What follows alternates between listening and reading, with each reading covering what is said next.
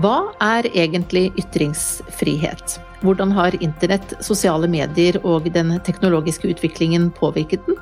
Og på hvilke måter utfordres ytringsfriheten i Norge i dag?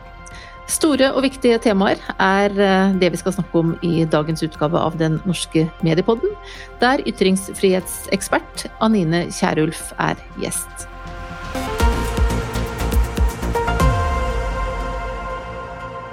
I dag har jeg altså besøk av Anine Kierulf her i Mediepodden. Hun er førsteamanuensis ved Institutt for offentlig rett ved Universitetet i Oslo, og spesialrådgiver i Norges institusjon for menneskerettigheter.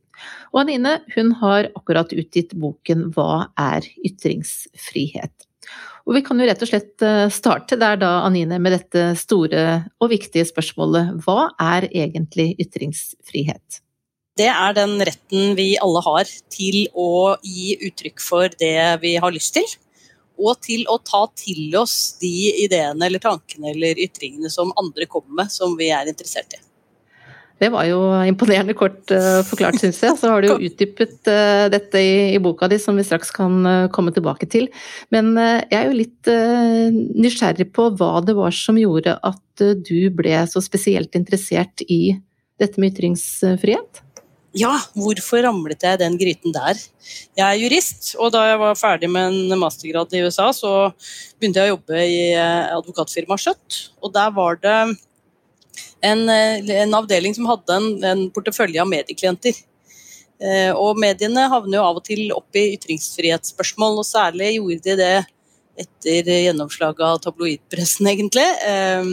Da ble det en god del eh, økning i antall ærekrenkelsessaker mot pressen. Folk som følte enten æren sin tråkket på eller privatlivet sitt utlevert.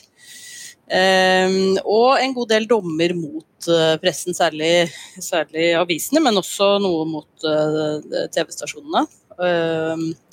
Og i den tiden der så var det omtrent det var omtrent samtidig som Ytringsfrihetskommisjonen jobbet mot slutten av 90-tallet, den forrige Ytringsfrihetskommisjonen.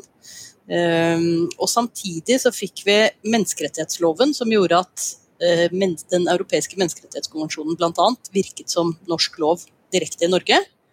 Og oppå det igjen, og nå skjønner du at det er mange samvirkende årsaker her, så ble Norge dømt tre ganger i Strasbourg, altså i Den europeiske menneskerettighetsdomstolen, for å ha avveiet Eh, ytringsfrihet mot ulike former for personvern på en måte som gikk på tvers av ytringsfriheten, ifølge det eh, Den europeiske menneskerettighetsdomstolen mente var riktig. Alle de tingene til sammen gjorde at, du at det, nei, dette må engasjere deg, eller? Nei, det, det, det, gjorde i grunnen at det ble et utrolig spennende rettsfelt, plutselig. Eh, som hadde vært veldig, egentlig ganske lite interessant, kanskje, i norsk rett. Det var iallfall veldig få som holdt på med det. Eh, men så ble det plutselig veldig interessant eh, og egentlig krevende å orientere seg og med mange nye interessante skilter. Så eh, rett oppi der ramlet på en måte jeg, da. Litt tilfeldig. Og der er du blitt? Og der er jeg blitt, rett og slett. Ytringsfriheten har jo vern i selveste Grunnloven, og hvor viktig er det, tenker du, at dette vernet er der? Det er veldig viktig fordi um, reglene våre er jo et slags pyramide, et hierarki. Hvor de reglene som er på toppen, det er Grunnloven og menneskerettighetskonvensjonene. Og så har du lover under der, forskrifter under der, retningslinjer sånn og sånn. Mm, det som er under det toppnivået, det kan aldri være i strid med det. Sånn at det er på en måte styrende for alt som vedtas lenger ned i pyramiden.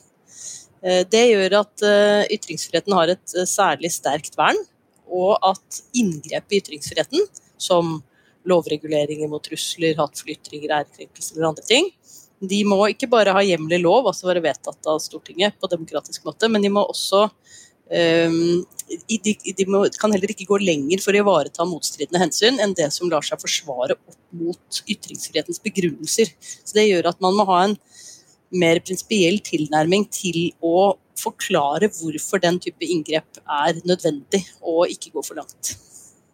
Ja, vi kan jo snakke litt om uh, da, dette med inngrep, for uh, det er jo noen ting, eh, noen begrensninger, eh, og det er jo spørsmål som kommer opp fra tid til annen. Hvor går grensene egentlig? Og sånn rent rettslig, eh, hvordan kan du trekke opp da de viktigste begrensningene for ytringsfriheten? Ja, Det er noen som står i, straffeloven. Det å true noen på en måte som har til å skape alvorlig frykt, er forbudt. Det å fremsette hatefulle mot en opplistet gruppe minoritetskarakteristika Eh, personer som tilhører de gruppene. Det er forbudt.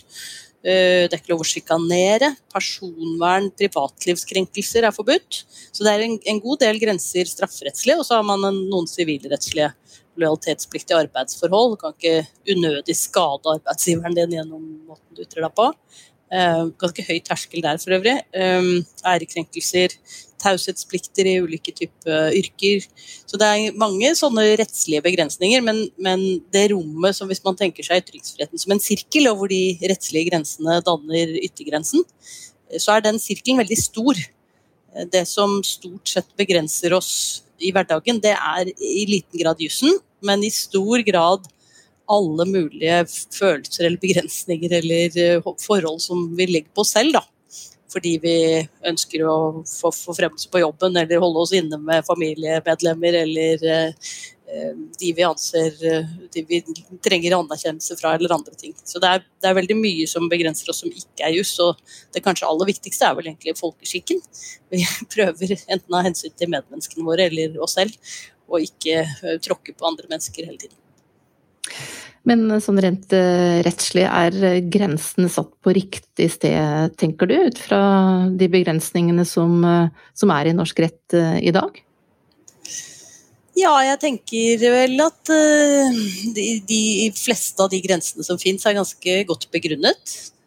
vi lever jo i samfunn hvor ytringsfrihet ikke er den eneste grunnleggende verdien. Vi har mange andre grunnleggende verdier også. Vår egen trygghet og sikkerhet, personvernet vårt, hensynet til eh, at arbeidslivet skal fungere omtrent som det kan gjøre. Og de grensene vi har, er jo i noen grad et forsøk på å avveie noen av de ulike verdiene eller rettighetene mot hverandre. Ehm, og de tenker jeg er eh, ja, stort sett har funnet en ganske god balanse, iallfall kanskje gjennom rettspraksis og de justeringene som har kommet inn de siste 10-15-20 årene det feltet hvor det er mest usikkerhet om hvor ytringsfrihetens grenser går, det er nok eh, i arbeidslivet.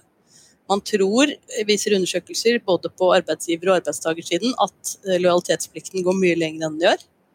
Eh, og man tror at ytringsfriheten mye, går mye kortere enn den, gjør. Eh, så det er nok et sted hvor man trenger i alle fall opplysning om hva som grensene egentlig går ut på. Og det er ikke så lett å regulere med lovgivning, fordi lojalitetsplikten er ulovfestet av alle ting. Eh, så det gikk jo an kanskje å formulere den på en måte. Og så finnes det jo noen av disse straffebudene også som er formulert på en måte som hvis man skulle ta dem helt på ordet, ville ramme veldig mange flere ytringer enn det som egentlig rammes. Eh, noen er fordi de blir litt sånn lappverk. De er kladdet på noen ganger med noen endringer, og så blir de egentlig ikke så lett å lese til slutt. Den bestemmelsen om eh, hatefulle ytringer er ikke så veldig klart formulert. Men det vil alltid være sånn at man ikke kan egentlig lage lovgrenser som er helt klare. Og grunnen til det har ikke så mye med juss å gjøre som med måten språket vårt fungerer. Fordi alle, alle ytringer må tolkes, og kan tolkes på ulike måter. Så så kan man ikke fullt ut regulere med rettslige grenser hva som faller innenfor og utenfor. For noe vil f.eks. være ironi eller humor, som hvis det var tatt på ordet, åpenbart ble rammet av noen straffebestemmelser, men som er åpenbar for alle at det egentlig ikke var ment sånn, og derfor rammes det ikke likevel. Hvordan vil du beskrive ytringsfrihetens kår i Norge i dag, anno 2021? Det er et stort og empirisk spørsmål som jeg heller ikke egentlig har sånn Det er ikke så lett å måle, og det er ikke mitt felt heller, men, men alle de rangeringer og målinger som fins av, av komparativ eller sammenlignende art, de tilsier jo at uh, ytringsfrihetssituasjonen i Norge er blant verdens aller beste. Så vi har det veldig, veldig bra her i landet det eh, er det grunn til egentlig å tenke over av og til, når vi klager veldig mye på at alt eller mye er galt eller feil eller dumt. Um, samtidig så skal jo ikke det bli noen hvilepute for at vi er sunt kritiske til det som kunne bli og kan bli bedre. Ja, hva er det som først og fremst tenker du kan utfordre ytringsfriheten i Norge, når det tross alt står såpass bra til som det gjør, f.eks. da sammenlignet med mange andre land? Ja, Det er et godt spørsmål. Det er vel egentlig litt ulike ting. Vi er, vi er jo vi er jo ikke sånn vi er veldig diskusjonsglad. Eh, vi har eh, historisk eh, tenkt at vi har vært stemmen vår alle sammen. Vi har ikke adel, vi har ikke den type autoritetstro som, vi har, som det finnes i mange andre land. Det gjør jo at vi sier, kan godt si hva vi mener, litt avhengig av hvor vi bor i landet. Så bruker vi veldig mange eller ganske få ord på det. Men, men, samtidig så tror jeg ikke vi er sånn veldig anerkjennende til veldig kontroversielle synspunkter. Jeg tror ikke vi liksom heier dem frem og ønsker dem velkommen. Og det er mulig at vi har det til felles med alle andre folkeslag, det vet jeg ikke. Eh, men det er nok en utfordring at vi er konsensusorienterte. Vi vil gjerne bli enige. Det ser du liksom helt fra barnehagen og gjennom skolegangen og hele veien. Det er, det er, ikke noe mål å heie frem saklig og skarp uenighet. Det er et mål i grunnen at man er venner og blir enige. Og Det mm, er veldig fint og hyggelig, men det er ikke alltid noe, noe godt grunnlag for å utvikle en, en god kultur for, uh, for, at uenighet er viktig og bra. Da. Så vi bør uh, i større grad uh, heie fram litt mer uenighet, tenker du, for å ja nå er det jo mye det er, mye, det er, veldig mange som er veldig kontrære i sosiale medier og andre steder. og um, Det er jo ikke alltid at det bidrar til så veldig god debatt heller, hvis det er basert på at man ikke har satt seg inn i det man snakker om, f.eks., eller at man vrangleser og vrangtolker de man er uenig med, og fremstiller dem som stråmann, en eller annen stråmannsvariant. Um, men, men hvis vi kunne det er, det er mulig det bare er min kjepphest, men jeg har jo alltid tenkt at hvis man, hvis man bruke litt tid på å sette seg i hvorfor vi har ytringsfrihet, så skjønner man bedre hvorfor den er viktig, og da kan det hende at mm, det som i utgangspunktet fremstår som unødvendig eller dumt eller feil ytringer, eh, ikke blir så truende eller eh, håpløse likevel, da.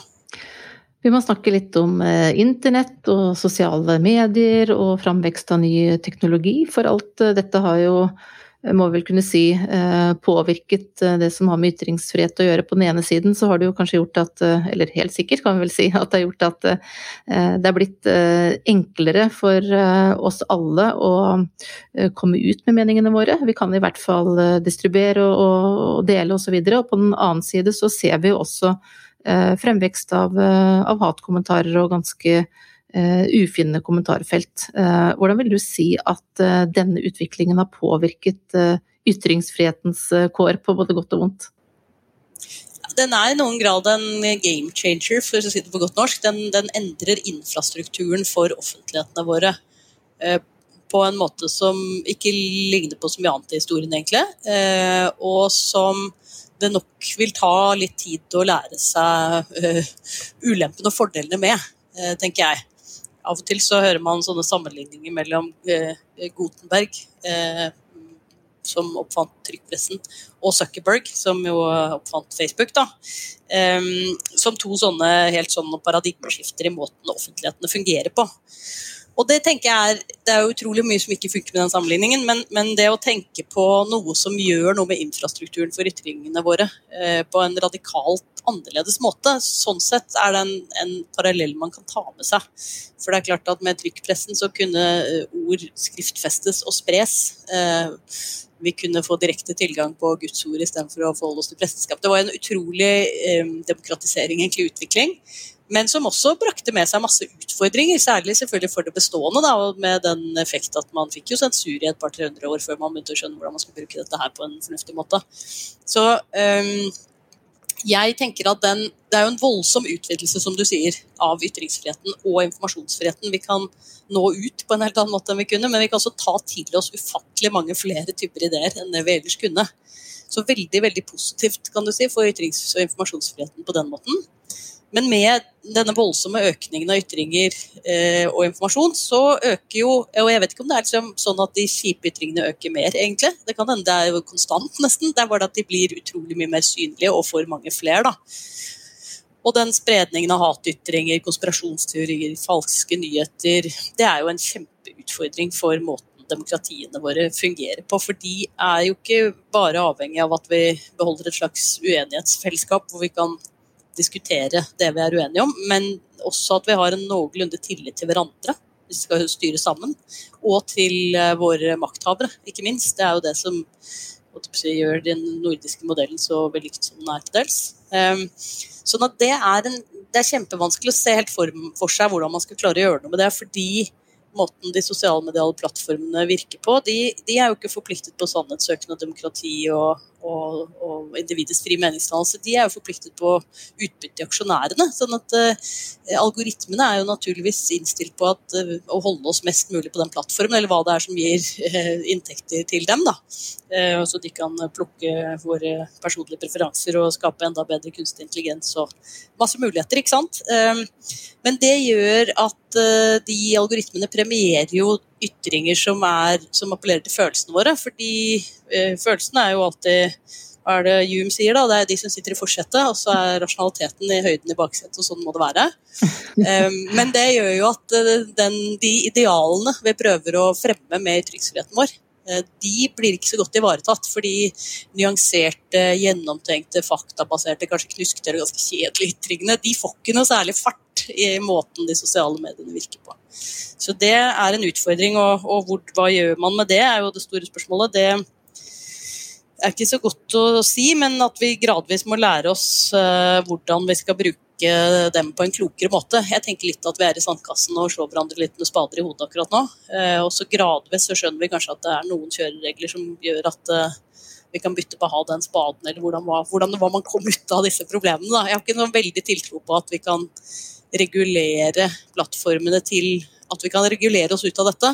Eh, jeg tror vi må, må lære hvordan disse verktøyene virker gradvis på, og sikkert gjennom veldig mye prøving og feiling fremdeles. Og så er det jo selvfølgelig fint hvis vi kan stille større krav til plattformen om åpenhet, om, og, om prosesser, og, og, kanskje man kan tillegge, til med skattlegge dem av og til, og, og sånne ting. Men, men, eh, men, eh, det er ikke så lett å regulere seg ut av den ytringsfrihetsproblematikken som disse nye offentlighetene skaper. Det var jo da de eh, sosiale mediene, og så har vi de eh, tradisjonelle mediene, eller de redaktørstyrte eh, mediene, som jo også spiller en, en, særlig rolle når det gjelder dette med ytrings- og informasjonsfrihet som en viktig del av det vi kaller offentlighetens infrastruktur. Eh, og hvordan syns du at eh, de norske redaktørstyrte mediene ivaretar dette store ansvaret, sånn som du ser det i dag? De står jo i en vanskelig situasjon fordi mye av inntektsgrunnlaget deres er blitt veldig annerledes, til dels som følge av de sosiale mediene. Så det er jo en, en utfordring der. I, i, så er det jo som du sier, de er jo en helt avgjørende del av infrastrukturen for ytringsfriheten vår. Og kanskje enda viktigere nå fordi de er kvalitetssikrere av informasjon. Så kan man være enig eller uenig i måten de gjør det på, men det er de jo på en helt annen måte enn det, den ufiltrerte tilgangen vi har eh, i sosiale medier og på internett for øvrig. Um, men har deres har... rolle også endret seg, tenker du, med fremveksten av sosiale medier og, og, disse andre tingene? Har det også påvirket den rollen som de redaktørstyrte mediene spiller for ytringsfriheten? Ja, det har det jo på mange måter. Både er det jo sånn at enkelte grupper, litt avhengig av hvilken alder de er i, nesten ikke forholder seg til redigerte medier. De forholder seg til eh, gratis opplysninger i sosiale medier. Eh, det er jo et problem i seg selv, for det kan jo i hvert fall på sikt øke forskjellene ved at eh, kvalitet, kvalitetsinformasjon koster, fordi mediene er nødt til å leve. Mens forferdelige konspirasjonsteorier og alt mulig annet er gratis. Så det er en utfordring den veien. Og så er det jo vanskelig for de eh, redigerte eller redaktørstyrte mediene å tilpasse seg den nye virkeligheten, fordi alt må gå fort. Mye, mange outsourcer jo f.eks. Eh, kommentarfeltene sine til Facebook. Eh, det er jo å flytte veldig mye av den tradisjonelle makten som den fjerde statsmakt hadde, til et annet sted, og til en type selskap, plattform, hva man skal kalle det, som forvalter den offentligheten på en helt annen måte enn det de gjør selv, og er forpliktet på helt andre ting. Altså, de har jo selvfølgelig et bunnlinjende fokus alle sammen, men, men uh, hvor det er liksom helt andre idealer. Man har en redaktørplakat, man har uh, etiske regler som, som, gjør at det blir veldig annerledes. Så der, der, tenker jeg nok kanskje at de redaktørstyrte mediene de er jo, mange er veldig flinke, men, men, at man har litt å gå på når det gjelder refleksjonsnivå over den symbiosen som til dels oppstår mellom de sosiale mediene og de redaktørstyrte mediene. Det er jo ikke alltid opplagt for alle hvilke ting som havner på Dagsnytt 18, med mindre man har vært på Twitter hele dagen, f.eks. Og, um, og i noen grad så skal man jo fange opp det som skjer der, for det er jo der mange er. ikke sant? Men, men, men et litt høyere bevissthetsnivå, og ikke egentlig bare fra den fjerde statsmakt, men fra alle de andre statsmaktene også. Det er jo stadig større deler av valgkampbudsjettene går jo til Facebook og Twitter fra de ulike partiene. Det gjør jo noe med liksom hvor, ja, hvor man kan jo tenke seg at disse plattformene er jo, det er jo frivillig for oss å være der. ikke sant? Så det er jo ikke noe, Vi har jo ikke noe å si. Hvis de blir kastet ut fordi vi har brutt noen noe regler på Facebook eller på Twitter, så er det bare Det er jo vårt problem, liksom. Eh, fordi vi trenger jo ikke å være der. Det blir jo en sannhet med modifikasjoner når mange av de andre statsmaktene våre er der. sånn at vi er nødt til å på en måte være der hvis vi skal være ansvarlige samfunnsborgere og prøve å følge med på det som skjer. Det er jo ikke Så dystopisk er det jo ikke, for det er mulig å få med seg ganske mye på andre måter også, men, men, men ehm, et høyere bevissthetsnivå hos alle våre statsmakter, inkludert eh, den fjerde, om hva vi egentlig gjør når vi så motstandsløst uh, overfører offentlighetene våre til uh, disse nye plattformene, det, det savner jeg nok. Hvis vi eh, ser på de siste årene, Anine, hva vil du si er det de viktigste utviklingstrekkene når det gjelder eh, ytringsfriheten, og, kanskje det viktigste som har eh, skjedd i, i så måte? Hvordan å si noe om det? Ja, nei, det, Da kommer man nok ikke unna det vi akkurat har snakket om, altså internett, rett og slett. Måten internett fungerer på. Hvis vi skulle se på andre sider, så syns jeg det er kanskje jeg, Fra mitt perspektiv så er det jo liksom positivt hvordan det de siste ja, kanskje fem årene da, har blitt en gradvis eller stadig økende oppmerksomhet om og diskusjon av ytringsfriheten, ytringsfrihetens grenser, hva den er, hvorfor vi har den, hvem som burde ha mer eller mindre av den. Det tenker jo jeg er ganske positivt. og Det er jo ikke bare fordi det var litt hyggeligere å snakke med flere enn bare meg selv om disse spørsmålene. Men, eh, men jeg tror jo på at bevissthet omkring dette er ganske viktig for at vi skal kunne ivareta den godt videre og fremover. For jeg har av og til tenkt at en av de utfordringene med å bo i et så godt sted som den norske idyll, var det vel Francis Hersted som kalte den, det, det, er jo at eh, det er jo at vi tar ting litt for gitt. Sånn at vi tenker ikke så mye over hvorfor vi har det, eller hvorfor det er viktig å kjempe for ting. Eh, det kan vel kanskje være sånn i et land som vårt, der eh, det tross alt står eh, veldig bra til i forhold til mange andre land, at vi, at vi da ikke tenker så mye på det i hverdagen, for vi er vant til at denne rettigheten, den har vi. Ja, akkurat det. Og det tror jeg det er jo flott ikke sant, at vi kan være så bortskjemte. Samtidig så gjør det at vi, litt, vi stiller litt på bar bakke når vi plutselig skal begynne å diskutere hvorfor det var at vi egentlig hadde den. Og da kan det bli lett å, å ty til Eh, ja, ønsker om å forby enkelte typer ytringer, eller bli kvitt noe, eller regulere seg bort, eller at noen ikke skal få være på offentlige biblioteker, eller Og det er, det tenker jeg er sånn, det er akkurat sånn som det skal være. for nå er ikke jeg biolog eller utviklingsbiolog, eller noe sånt, men mitt inntrykk er at uh, menneskene har ikke kommet dit vi er fordi vi er så innmari rasjonelle. Vi har kommet dit vi er fordi vi, vi er, har suksess som gruppe. Sånn at uh, det er egentlig helt kontraintuitivt å eh, gjøre masse for å beskytte ytringer som gjør deg upopulær i gruppen. Det er en veldig rar idé. Så det er først når man liksom skjønner begrunnelsene for den og begynner å kjempe for det, at man eh, er på et sted hvor ytringsfriheten blir interessant. Da. For det, det, det helt nærliggende det er i grunnen å tenke at ytringer som er dumme og destruktive, de bør bort.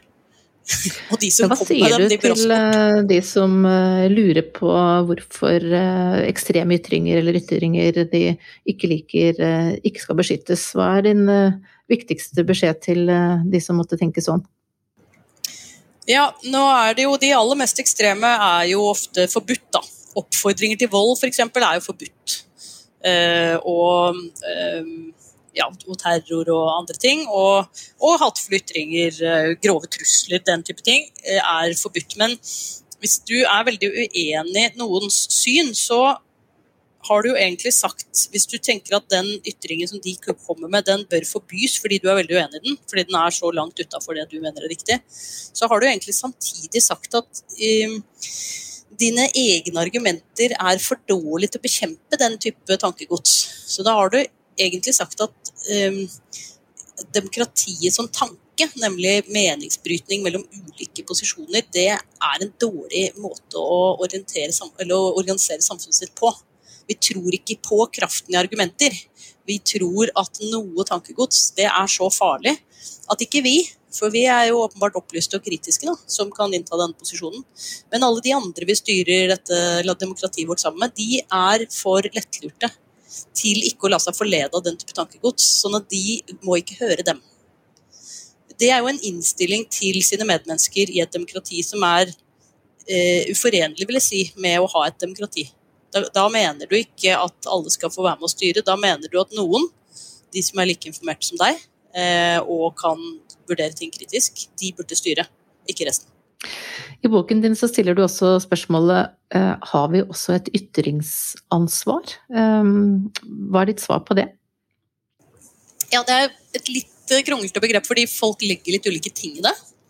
Um, rettslig sett så har du ansvar for å avstå fra å ytre deg ulovlig. Mm, jeg tenker i grunnen at det er det ansvaret du har for å avstå fra ytringer um, i et demokratisk samfunn. Og så vil alle ha ulike vurderinger av hva det er viktig eller lurt eller klokt eller unødvendig å si innenfor det som er lovlig. Men det ligger på en måte i ytringsfriheten selv, at det må være opp til hver og en av oss. Men jeg tenker på hvis du tenker på ytringsansvar som det ansvaret vi har for å bidra til at ytringsfrihetens begrunnelser kan realiseres, nemlig bedre sannhetssøken, demokrati, eh, fri meningsdannelse, at vi danner oss selv som mennesker, så forutsetter jo alle de begrunnelsene forutsetter jo at vi både av og til heier litt på de ytringene vi er enig i, og uh, tar til motmæle uh, mot, uh, eller engasjerer oss mot de ytringene vi er uenig i. Sånn at hvis ikke vi tar det ansvaret, så kan, ikke, så kan ikke ytringsfriheten uh, virke på den måten den er, uh, den er, der for. Så hvis man forstår ytringsansvar som ansvar for å prøve å bidra til å realisere bedre ytringsfrihet, så tenker jeg at det er en type ytringsansvar jeg vil heie frem. Tar vi det i dag, syns du, som uh, samfunn i Norge? Altså jeg tror det er få som bruker så mye tid på sosiale medier til å diskutere ting som nordmenn. Det er mer sånn kattebilder og sånn andre ting ofte i en del andre land. Så vi, vi har jo god råd, da. Så vi har jo og tid åpenbart til å sitte og diskutere veldig mange ting på nettet. Det er ikke sikkert at uh, det, det, er det som driver verden mest fremover. Og kanskje kunne det være sånn at vi av og til engasjerte oss litt utenfor det feltet vi brant mest for. Fordi hvis du snakker veldig mye om motstanden din mot vindkraft eller oljeutvinning eller hva det nå er du er mot eller for, eh, så ender du fort opp, særlig i sosiale medier, med bare å snakke til de som uansett er enig med deg, eller de som er veldig uenige med deg. De, de har du ikke noe håp om å omvende uansett. Men hvis du av og til kunne engasjere deg litt utenfor det, eller på det feltet hvor du hadde noe faglig kompetanse, av og til gå inn og hvis du sitter i sentralforvaltningen og er veldig redd for å ytre deg med navn og bilde, så kan du eh, anonymt gjøre det på Wikipedia f.eks. Gå inn og fikse opp en eller annen artikkel der og bidra til litt mer kunnskap. Eller eh, som lærer på en skole. Kanskje du syns at uh, alle kollegene dine egentlig svartmaler veldig mye. Kan jeg gå ut og si at nei, vet du, her funker det egentlig ganske bra med denne modellen som Oslo-skolen har valgt. Eller, ja. Sånn at man, hvis man av og til litt oftere gjør Hvis litt flere litt oftere gjør det, så tror jeg offentligheten kunne bli bedre. Nå har vi jo fått en egen ytringskommisjon eh, igjen, for vi har jo hatt en tidligere også, eh, som skal komme med sine forslag neste vår. Og du som eh, er så opptatt av å jobbe så mye med ytringsfrihet, hva slags eh, forhåpninger har du til kommisjonens arbeid? Den har jeg store forhåpninger til. Jeg tror, altså det er jo en hvis man skal dele inn sånne uoffentlige utvalg i to hoveddeler, og det fins mange varianter her, så er det eh, er jo sånn regulerende, som skal foreslå et eller annet regelendring. Og en annen er sånn um, kunnskapsinnhentende. Og denne opplever jeg som typisk sånn kunnskapsinnhentende um, kommisjon. Og det tenker jeg er veldig mm, fint og nyttig uh, i den tiden vi er i nå. Fordi infrastrukturen for offentligheten er blitt så annerledes enn den har vært. Og det er veldig mange spørsmål knyttet til det. Og det er jo type spørsmål som egentlig fins alle steder hvor man har ytringsfrihet og internett. Sånn at det er helt sikkert prøvet og feilet en del med ulike måter å egentlig regulere, kanskje, da, men, men eh, tenke om eh, hvordan man skal forholde seg til eh, sosialmediale plattformer eller andre ting det å, å, strukturere, hente inn og strukturere den kunnskapen på en måte som gjør den lettere tilgjengelig for folk, det tror jeg kan bidra til et høyere refleksjonsnivå. Det er jeg veldig positiv til. Jeg ser med glede frem til, til den kommisjonen eh, leverer eh, det, det, den har sittet og grublet på i denne tiden. Så, så jeg har store forhåpninger til det. Det jeg håper, er jo at eh, ikke bare si, er vi, folket, som får glede av den, men også at statsmaktene våre, og kanskje særlig de politiske, får, et, eh, får en mer gjennomtenkt tilnærming til hvordan de forholder seg som statsmakter vis-à-vis hverandre og, og, oss borgere eh, i disse nye offentlighetene. For det eh, opplever jeg at det er veldig tilfeldig, sånn som det er i dag. Hvis vi skal se litt uh, framover til uh, slutt, hva tenker du um, kommer til å bli de største utfordringene for ytringsfriheten i det norske samfunnet framover? Oi, det var et vanskelig spørsmål. det har jeg ikke egentlig tenkt så mye på. Men men eh, nei, hva skal det være, da? Nei, det måtte liksom være om eh, noen av disse mer sånn krisepregede scenarioene slår til. Da, om det er pandemier eller klimaendringer eller eh, som fører til voldsom migrasjon, eller som gjør på en måte, at samfunnet endrer seg markant. Det vil jo ha betydning også for hvordan ytringsfriheten brukes, og antageligvis også for hvordan våre makthavere hvor fri de tenker at vi burde være til å bruke ytringsfrihet på den måten vi gjør i dag. Da. Um, så er det mer sånn den type scenariotenkning. Men jeg har ikke egentlig noen veldig klar formening om hva som er de største utfordringene her og nå. Jeg, de som finnes allerede, må vi jobbe med, og det kommer nok til å ta ganske mye tid. For, no, for noe av det handler om eh, de sosiale plattformene. Det er veldig vanskelig å se for seg hvordan vi skal forholde oss til her i Norge, hvis ikke det liksom blir en gradvis endring mange steder. Um, og de utfordringene som er knyttet til f.eks. Uh, eh, offentlig ansattes ytringsfrihet eller uh, andre sider, de, uh, det er jo forutsetter en type kulturendring mange steder, tror jeg. Uh, både kommunalt og statlig. Um, og kulturendringer tar tid, men de kan jo ikke begynne uten med bedre kunnskap. Så jeg har jo, Det er jo derfor man sitter og er underbetalt akademiker, så jeg har jo en usvikelig tro på kunnskap. Så jeg tror bare må fortsette å prøve å produsere den. Men er du optimistisk på ytringsfrihetens eh, vegne, her vi står eh, her og nå? Ja, jeg er i grunnen optimistisk, eh, men også på ytringsfrihetens vegne. For det er det grunnen Det syns jeg ikke det er noen grunn til ikke å være. Der vi registrerer at det er dommedagsprofetier også på dette området. Jeg er ikke så bekymret for det. Altså, vi får ta tak i det som oppstår av utfordringer, og prøve å forklare hvorfor det er man burde tenke på andre måter, eller kunne se ting fra andre sider. Og så for øvrig holde frem som vi stevner.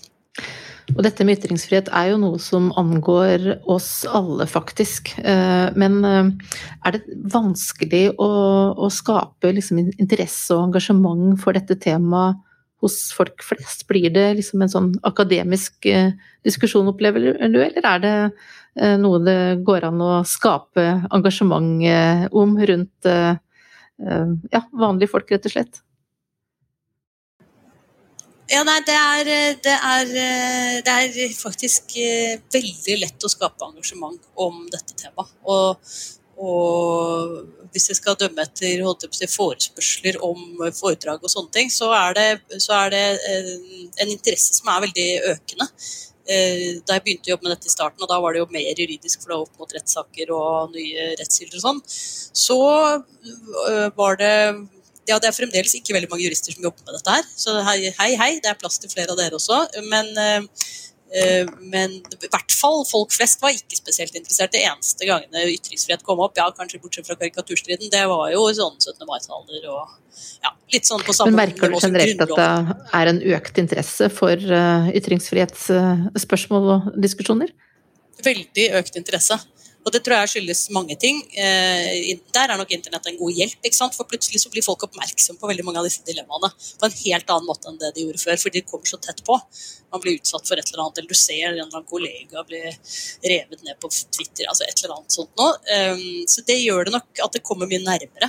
Og så, og så er det jo da fordi denne ideen om å beskytte ytringer man ikke liker, som går på tvers, egentlig er helt kontrær til uh, det er kontraintuitivt, tror jeg, for mennesker, så må den forklares om igjen og om igjen. Og det det tenker jeg egentlig bare er veldig fint og gøy. For det, det er jo Den jobben først... tar du glatt. Den jobben skal jeg fortsette å bidra til. For, og jeg tenker at uh, min glede er jo når folk får sånn Å ja, fader, det har jeg ikke tenkt på. De trenger ikke å endre mening, det er bare at de ser ting med flere perspektiver enn det de gjorde før. Da blir jeg glad. Tusen takk til eh, Anine Kierulf, som altså har utgitt boken 'Hva er ytringsfrihet?'. Du hørte på den norske mediepodden fra Medietilsynet, og jeg heter Mari Welsand.